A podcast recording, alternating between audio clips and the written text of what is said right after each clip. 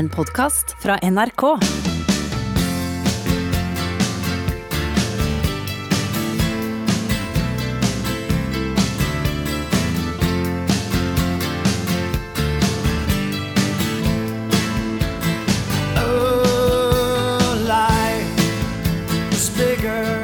Det er eh, lett å dra kjensel på 'Losing My Religion' med REM. Jeg heter Hans Olav Renner og ønsker velkommen til Kulturstripas podkast, hvor jeg i dag har med meg Sven Ole og Torkil. Eh, Sven Ole, du sitter jo med svar da på hvorfor vi hørte akkurat denne eh, låten. Ja, og det er ikke så veldig vanskelig. Det er fordi eh, den låta spiller en eh, veldig stor del av min eh, anbefaling i dag, og er da en av episodene i en helt ny eh, TV-serie, dokumentar, på Netflix som heter Song Exploder.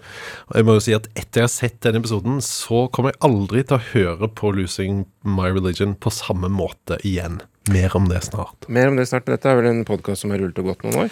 Ja, det stemmer. Altså, det, den har uh, gått uh, ganske lenge. Uh, men så er det sånn med suksesser altså, Dette kjenner jo igjen fra bøker som blir til TV eller til film. og så er det jo innimellom at en god podkast, ja, den blir til en TV-serie, den òg. Og det, det, har skjedd med ja. Er ikke det en fin oppsummering? Jo, jo, jo. Det, skjer, det skjer, om, skjer om, til og med med kulturstripa, det her, eh, Svein Ole. Til og med av og til så kan det skje med sånne konsepter som det. Men uh, litt mer om, om, um, om konseptet bak ja. um, uh, dette, da, uh, podkasten og TV-serien, er jo at musikere skal plukke fra hverandre sanger. Da kanskje de Um, uh, det er egentlig sånn de nyeste sangene, men med REM så ble det den største hiten uh, som de lagde. Og Da plukker de fra hverandre bit for bit, tone for tone, uh, og forteller historien om hvordan dette her ble laga. Og tenker kanskje både du, Torkel, og Hans Olav, og du som hører på, at gjesp, enda en sånn halvkjedelig behind the scenes um, greie med plasserte rockestjerner. Been there, done that. Men Nei, jeg tør å påstå at dette her, det blir noe annet. For eh, istedenfor å uh, liksom grave i små detaljer fra produksjonen eller fortelle sånn trivial, trivialiteter fra innspillingen og sånn, så uh, skildrer de historien fra et emosjonelt ståsted. Uh, og da blir det så fint. Ja, det er musikknerding, men det er ekstremt tilgjengelig og, og fint å se på. Hvordan er det med dere? Altså, går dere rundt med sånn konstant frykt for å bli utsatt for musikkbesserwissere sånn i det daglige? Altså Jeg driver mye eksponeringsterapi for egen del på det området. Ved å være programleder i Kulturstripa. Eh, dette er jo satt i system, og jeg vil si at jeg er blitt eh, nummen etter å ha blitt utsatt for så mye av det over tid. ok, greit. Jeg har aldri tenkt over at jeg går rundt og er redd for det, nei. Det var jo litt satt på spissen, da, men Nå sitter jeg jo ofte ved siden av deg, så da er jeg jo selvfølgelig uunngåelig å få noe av det. Oh, ja, men okay. det er ofte velkomment. Det skal du vite. Selv så er jeg da litt allergisk mot folk som på dødelig skal imponere med liksom fun facts om ja, egentlig alt, men kanskje spesielt om musikk. Men her i denne serien her så jeg føler jeg det er en sånn genuin interesse pur musikkglede. Det kommer eh, fra et sympatisk sted. Og når jeg sier det stedet der, så er, eh, skal jo han som er intervjueren her, og verten, ha noe av æren for det. Eh, han heter litt usikker på hvordan jeg skal uttale navnet, med Rish Gishesh eh, Hirvai. Helt sikkert akkurat sånn. Nei, det tror jeg ikke. Men han er da selv musiker og filmmusikkomponist. Eh, Veldig flink til å ikke ta for mye plass. Det er alltid en god ting når man skal intervjue eh, folk. Og når, bare si det, når denne podkastserien har gått, da, så er det de store navnene på musikkhimmelen som har um, vært gjester, og det er jo et slags kompliment til den som har podkasten.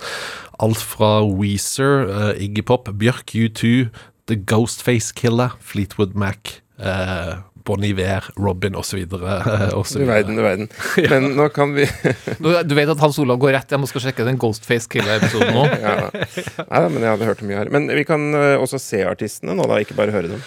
Det er jo det som er poenget, eh, og da adopterer man jo dette inn til et sånn uh, visuelt uh, medium. Og på den måten så tar serien publikum til der hvor musikken ble laga, inn i studio, inn til skriverommet bak pianoet. så det jeg tenker det er et veldig sånn bra trekk. Og så har de nok tenkt sånn Oi, nå skal dette bli TV-serie. vi har så mange artister her, så nå må vi prøve å lage litt sånn variert utvalg av de fire første episodene. Så kanskje litt sånn snål miks med de episodene som ligger ute nå. Det er Alicia Keys, Linn Manuel Miranda, som er en sånn um, musikal type kommunist. Så er det Ty Dolla Sign, uh, rapper, hiphoper, og så er det da uh, REM. Hva, nå har vi jo hørt litt av Losing My Religion her, men hva er deres forhold til uh, REM? Gode gamle rockerne fra Boston? Fra Boston, nei, Boston fra, fra, Georgia. Georgia, Boston. Boston i Georgia. Nei, Athens, Georgia.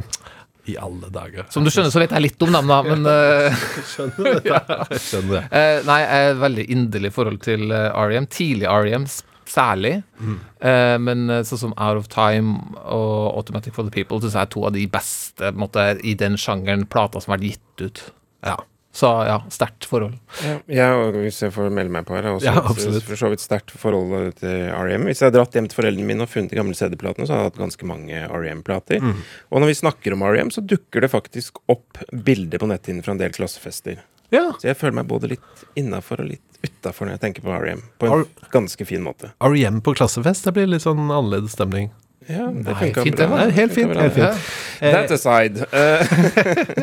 Men jeg tenkte å kanskje høre et klipp da fra um, denne episoden. Um, og det er rett og slett eh, Michael Stipe, eh, som man, jeg føler vi kommer veldig tett innpå her, skal da um, bli bedt om å lese opp teksten fra 'Losing My Religion'. Og han husker ikke, uh, for det første, at han skrev sangen. Uh, og han husker heller ikke teksten. Hallo, jeg kan teksten. Michael Stipe kan ikke den. Skal vi høre etter hvert når han kommer i gang her, hvor fint det er når han da leser opp den.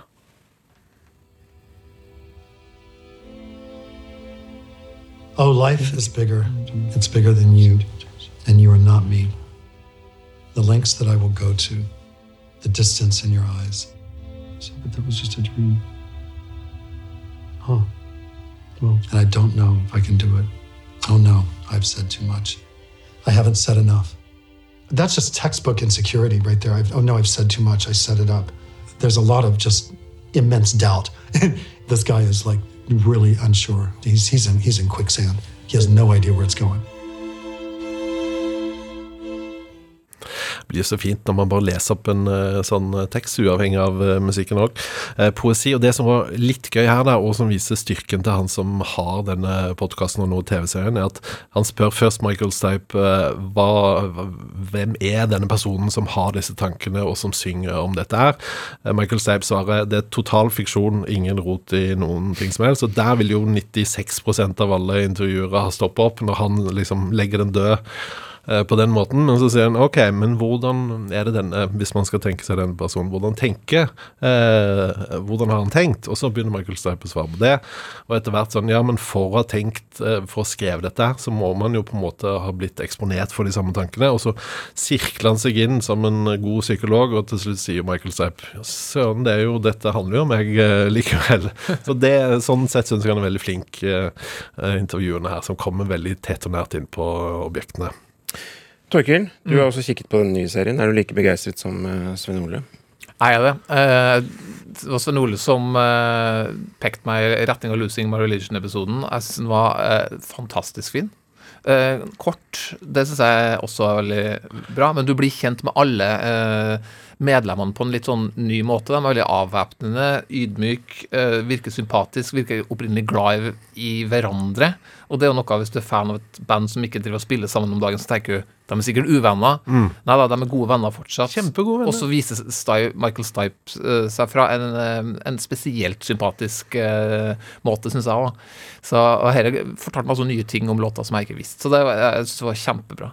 Det du sier med sånn at det er kort, for vi har jo en sånn streaming hverdag nå som mennesker som handler mye om å finne denne gode, lange serien, helst med mange sesonger og episoder som vi kan dykke ned i med store spørsmål og sånn. Men denne serien her blir for meg en sånn fest i hverdagen, som at du gidder å tenne et stearinlys ved middagsbordet når du skal spise middag. Du skal drikke brus, men hente det fine glasset ut fra penskapet. altså, det er en sånn eh, Sjelden man får en godbit, og så holder det. En liten sånn snack. Uh, perfect slice of life.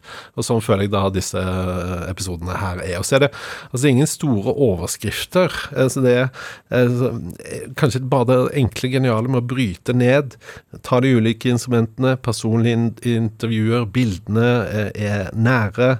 Man skyter ikke sånn halvtotal, men altså, du, du ser rynkene i pannen til Michael Stipe, hvordan han reagerer på de forskjellige spørsmålene. Han reagerer veldig emosjonelt og tar seg tid til det, altså. Så veldig fint uh, å se på. Ja. Uh, skal vi uh, høre litt mer fra denne her, tenk, du, eller? Ja, for det Altså, vi sier jo Vi blir veldig glad i de uh, her, og gitarist Peter Buck er jo ekstra søt. Jeg har lyst til å bare trekke fram helt til slutt, fordi han har helt siden han skrev mandolinlinjen på 'Losing My Religion', som vi jo kjenner til, så har han gått og lurt litt på hm, Har jeg egentlig stjålet dette her fra en japansk komponist eh, som lagde musikken til en sånn kultfilm med David Bowie eh, for eh, lenge, lenge siden. Um, så vi kan først her høre, så kan dere si hva dere syns. Er det liksom, blir det plagiatsøksmål her? Vi kan høre først da Sakamoto med 'Merry Christmas, Mr. Lawrence'.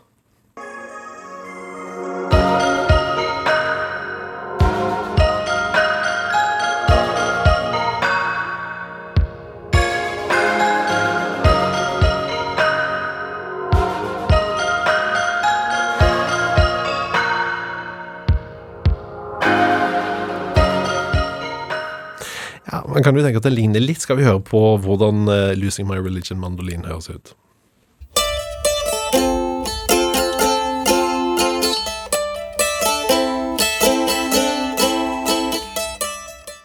Hva tenker dere, Er det far for at Ariam og Peter Buck blir saksøkt etter denne dokumentarserien? Nei. Overhodet ikke. Det ble jo nettopp Led Zeppelin frikjent for noe som var mye mer tydelig enn det her, ja. så ja, ingen fare. Det tenker å vise den ydmyke, fine siden da, til uh, herr gitarist Buck, som uh, sikkert har gått og tenkt på det litt innimellom de siste 20-30 årene fra han skrev denne mandolinlinjen. Men veldig gøy og lærerikt og fint uh, å, å se på. Takk for det, Sven Ole. Serien heter altså Song Exploder og ligger foreløpig ute i fire episoder på Netflix. Torkil, mm. du har gledet deg lenge til et varsel på telefonen. Eh, hva er det du har ventet på? Uh, ja, det er et uh, varsel om den nye eh, sesongen av podkasten Heavyweights. Og i klokka ti i dag, faktisk, så dukka det her varselet opp. Da kom første episode fra sesong fem av podkasten Heavyweight. Ehm, det er en podkast som kom i 2016, eh, som er en av verdens mest toneangivende podkaster. Eh, historiefortelling, produksjon, musikkbruken her, den subjektive tilnærminga av fortellerstemmen, det finner du spor av, og folk som har blitt inspirert av i et utall andre podkaster, veldig mange norske. Eh, men dere to, hvis dere skal høre noe som heter heavyweight. Hva er, liksom, hva er det første dere tror at det handler om?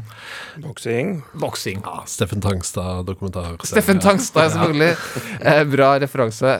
Eh, ja, jeg skjønner det. Det her eh, podkasten eh, henspiller vel mer på eh, Eller henspiller vel eh, på det som tynger deg i eh, livet. og, og verten Jonathan Goldstein bruker da hver episode på å ta tak Eh, det, i det i livet som tynger denne personen som er subjektet for hver episode. Så gå tilbake til det øyeblikket i livet hvor alt endra seg.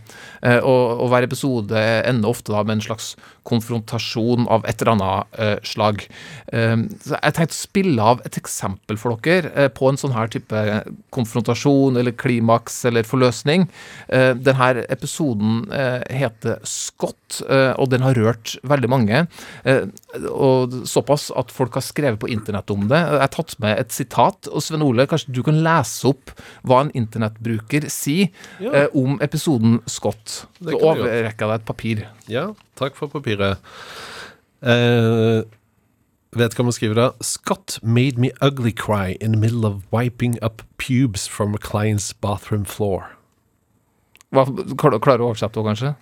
Eh, Scott, eh, altså denne episoden, fikk meg til å stygggråte. eh, samtidig da jeg var midt i å tørke opp eh, kjønnshår fra en klients badegulv. Ja, det, det, det, er jo noe Da har det jo gjort inntrykk, det her. Ja, Det er jo selve Det er selve liksom lakmustesten, ja. vil jeg si. Eh, nå har jeg jo tenkt å spille et klipp fra denne episoden og, og sjekke på dere, da, om dere, er, om dere lar dere røre. Kanskje vi får noe styggegråt i studio. Det hadde vært veldig bra.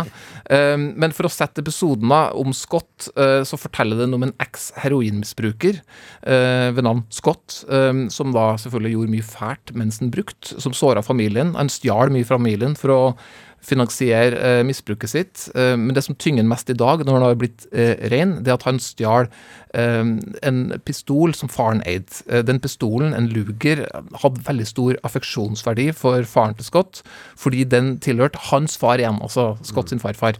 Eh, så verten Jonathan hjelper da Scott å få tak i pistolen som han hadde solgt for å få finansiert dopet. Og han eh, eh, gir da i episoden eh, pistolen tilbake til sin far, som heter Win. Men, men, når det her skjer, så er Win litt rar. Han er litt prega. Og Jonathan, eh, verten, spør da hva hele denne eh, gesten fra sin eksnarkomane sønn betyr for han.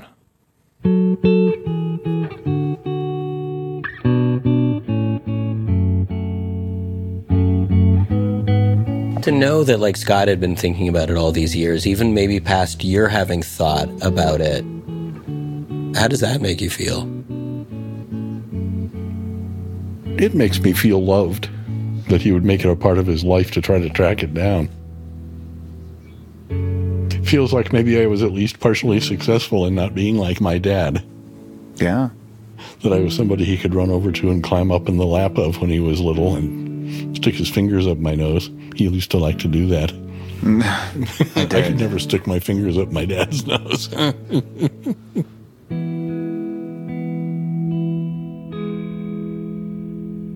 Win looks over at his son. Don't let it bother you anymore. The greatest prize that I got out of this whole thing was the fact that even though all this crap disappeared, I got to get my boy back. The funeral plot that I had bought for myself to be next to your mom, I thought I was going to have to bury my son in it. And I am delighted that I never had to do that. Mm. Ja, ble du prega, Sven Ole? Ja, ikke så mye som jeg hadde trodd, men det var absolutt gripende og rørende. Det var det jo. Ja, det er fedre og sønner og Grøtete stemme. Ja, det, det, det, det, Nei, men dette med at han vil bryte, bryte denne rekken av med fedrenes synder og sånn, mm. det er umiddelbart rørende og, og allment. denne, altså, denne episoden her er en av mange som, er, som, som, rører veldig. Det er så mye hjerte her, men det er også mye humor i, i podkasten. Ja, jeg skjønner det du sier om hjertet etter å ha hørt dette klippet, men hva slags humor er det vi blir tilbudt i Heavyweight? Um, den humoren dukker veldig ofte opp gjennom digresjonene som, som Jonathan, altså verten vår, tar. Uh, han bruker ofte subjektive uh, verktøyet. Uh, altså han gjør seg sjøl til en litt sånn plagsom, uh, nevrotisk type som ikke har et avslappa forhold til noe i livet. Så, så, det er liksom ikke nødvendigvis bare konfrontasjon på slutten av episoden vi, vi venter på å like. Det er liksom ja, det er små avstikkerne eller det helt eh, absurde og tilsynelatende malplasserte i episodene. Sånn som f.eks. starten av hver episode er litt spesiell. Jeg vil tro alle lyttere av podkasten Heavyweight har lurt på hvorfor hver episode starter med en telefon til den samme dama. En ganske frekk og veldig lattermild eh, dame som heter Jackie. Eh, vi kan høre, eh, Her er et eksempel på en typisk intro til en episode av Heavyweight. Hey, how are you? I noticed that we're not Facebook friends. Oh, we're not? No. I think, didn't you try to Facebook friend me? I don't think I responded. Do you know how embarrassing that is? You won't even friend me. Jonathan, we're we're better than Facebook friends. We're we're real life friends. No, that's worse than Facebook friends because no one knows we're friends. Let's go to the internet right now. And let's friend each other at the exact same time. We'll no, we're not going to friend each other because I have to go to work right now. Can't you take the computer with you? I'm stepping out the door now, and I have to get on my bicycle because I'm going. I'm Can you like bounce the laptop I'm, on the handlebars, and then you could we could we could Facebook chat. Don't you think that's a good idea? If like if we both friend each other at the same time? No. Why not one, two, three, and then we press the button. Ready? No. It's hurtful. Sånn starter da episodene stort sett med at hun der Jackie, som er en gammel venninne av Jonathan, alltid slenger på røret. Jeg tror det bare er med fordi det er rart, og kanskje sette han her Jonathan litt som den personen han er i podkasten. Litt trengende, litt invaderende, ganske sjarmerende. Alltid avvist. Mm. Selv om dette her kom i formiddag, så har du vel rukket å høre episoden, Torkel. Hvordan måler den seg mot tidligere sesonger? Ja, det, det, det, ligger på det samme. Denne episoden som kom i dag Jeg skal spille et klipp fra den episoden som heter Vivian. Eh, og Der blir vi kjent eh, med denne dama Vivian, som i lang tid har strevd med hvordan hennes egen familie har, eller, eller tok eh, det da hennes onkel fikk aids. Hennes familie hadde et anstrengt forhold til homofili, viste det seg, og de bare lot da onkelen, som sto fram med aids og uh, homofili, bare egentlig De lot den seile sin egen sjø på slutten, og, og hun prøver da i episoden å gjenopprette kontakt med det som var partneren til onkelen, eh, og som da måtte ta hånd om den døende onkelen. Eh, men på veien eh, dit så oppstår det noe ganske artig. Jonathan Goldstein kommer over en ganske stor berømthet når han bare prøver å finne den her Marcello. Og, og veien dit går også om radioguru Ira Glass. Her kan vi jo høre litt på. When Vivian told me about Elio's old group of artist friends, though, She singled out one artist by name, a very famous musical composer. And while the composer's number isn't readily available, I do happen to have his cousin's number. Hello? Ira. Oh, shit. Do we have an interview now?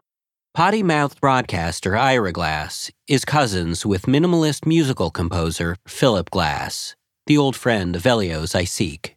You never want to bother the people you admire, but in the back of your mind, you think, okay, maybe someday, in an emergency, I might be entitled to a favor. And then you ask them to write a preface to your experimental novella published by a small Canadian press. And then you ask them to introduce you at your book launch that's only attended by seven people. This is how I felt phoning up to chop yet another branch from the giving tree, which is Ira Glass. Um, so I, I just, I just wanted to, um, I wanted to ask you for a, a, a phone number. Okay. Uh, a, a, cousin of yours. Keep going. Do you know, do you know who I'm talking about?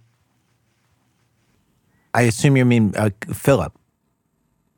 Uh, og hvordan det går, om man får tak i Philip Glass, det skal jeg selvfølgelig ikke røpe. Men det, ja, det starter den nye sesongen som klassisk heavyweight. Uh, vittig, lekent, og det står alltid noe på spill. Og du vil ikke røpe, men det ligger vel i kortene her, Torkel, at i motsetning til i, i, i livet for øvrig, så blir det happy ending og forløsning og katarsis? det, det, det får være dine ord.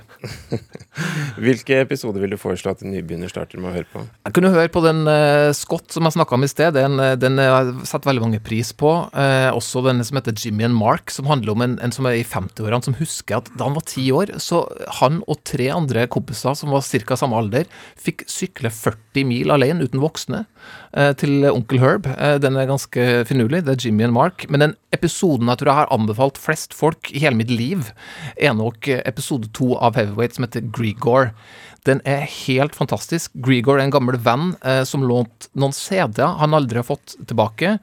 Og i episoden så skal Grigor få tilbake de her CD-ene. Høres kanskje ikke så big deal ut, men i episoden så får du høre hva slags musikk som er på de her CD-ene, og ikke minst hvem som lånte CD-ene, og da vil du få en ganske sterk reaksjon, tror jeg. Vi snakker om en verdensberømthet, og skal i hvert fall ikke der si og ødelegge, eller hva, Sven Ole? Eh, nei, vi skal ikke Du har hørt den? jeg har hørt den. Og du satt og lo gjennom hele? Jeg merker at jeg lo som sånn latter som jeg ikke har hatt på veldig mange år. Veldig sånn vanlig. Så alle må starte med episoden som heter Grigor, ja. mener jeg. Takk for eh, tipset, Torkil. Heavyweight finner du der du laster ned podkast. Hvis det er noe du ønsker at vi skal snakke om i Kulturstripa, så kan du tipse oss på kulturstripa alfakrøll nrk.no. Du har hørt en podkast fra NRK. Hør flere podkaster og din NRK-kanal i appen NRK Radio.